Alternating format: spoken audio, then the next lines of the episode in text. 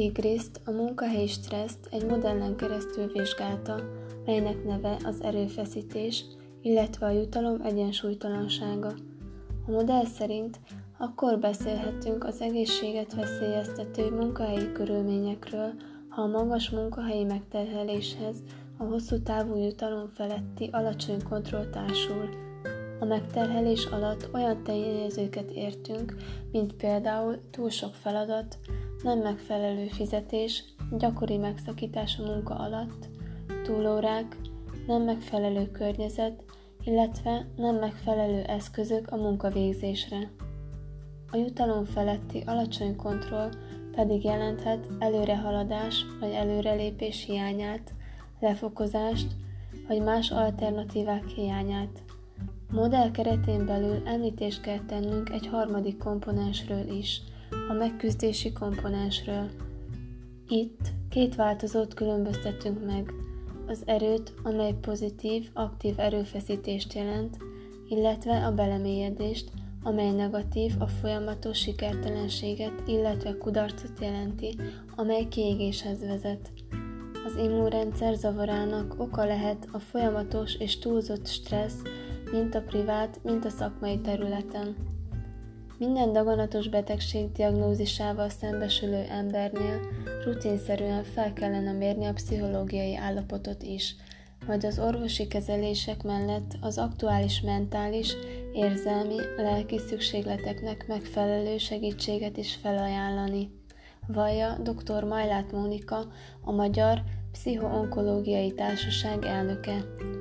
A daganatos betegekkel foglalkozó pszichológusokat, szakorvosokat, szakápolókat összefogó szakmai szervezet célul tűzte ki, hogy az ország minden egyes onkológiai osztályán váljon a kezdeti állapotfelmérésnek, mind az állapot követésének részévé a pszichológiai állapot rögzítése is. Álláspontjuk szerint sokkal több betegnek kellene kapnia a mindennapok életminőségét és az életkilátásokat is pozitívan befolyásolni képes pszichológiai segítséget a beteg út során.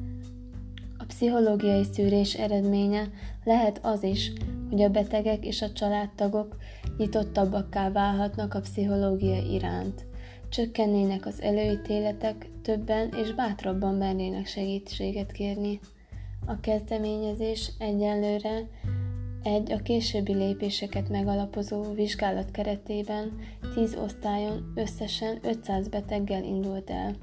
Nem elég a testet kezelni, a beteg érzelmi állapota is nagymértékben befolyásolhatja az életminőségét, kihathat a mellékhatásokra, az orvos-beteg kapcsolatra, a terápiás együttműködésre, következtetésképpen az életkilátásokra is probléma súlyosságát jelzi, hogy az esetek egy részében a daganatos betegséget kísérő szorongás, depresszió, reménytelenségérzés nagyobb problémákat okoz a beteg és családtagjai számára a mindennapokban, mint maga az alapbetegség okozta tünetek vagy a kezelések mellékhatásai. Ennek ellenére kevesekhez jut el, illetve kevesek veszik igénybe a pszichológiai segítségnyújtás lehetőségeit.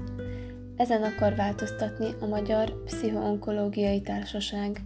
Amint dr. Majlát Mónika fogalmazott, azt szeretnék elérni, hogy a betegek aktuális stressz szintjének mérése ugyanolyan része legyen a hazai kórházi rutinnak, mint a vérnyomásmérés. A betegek mintegy felének lenne szüksége pszichológiai segítségnyújtásra, a betegút valamely fázisában. Ám csak az érintettek töredéke kap támogatást. Ennek egyik oka, hogy nincs elég onkopszichológus az országban, másik oka pedig, hogy a betegek és sokszor a szakorvosok sem ismerik a lehetőségeket, vagy idegenkednek tőle. Tehát összességében kell megvizsgálniuk, hogy a betegnek aktuálisan mindenféle problémáját tekintetbe véve milyen és mekkora érzelmi terheket kell elviselni a mindennapokban, és mindezek mellett mennyi pszichés kapacitással rendelkezik még a betegséggel való megküzdéséhez. Azt szeretnék elérni, hogy a pszichológiai állapotra vonatkozó adatok is részévé váljanak a korlapnak.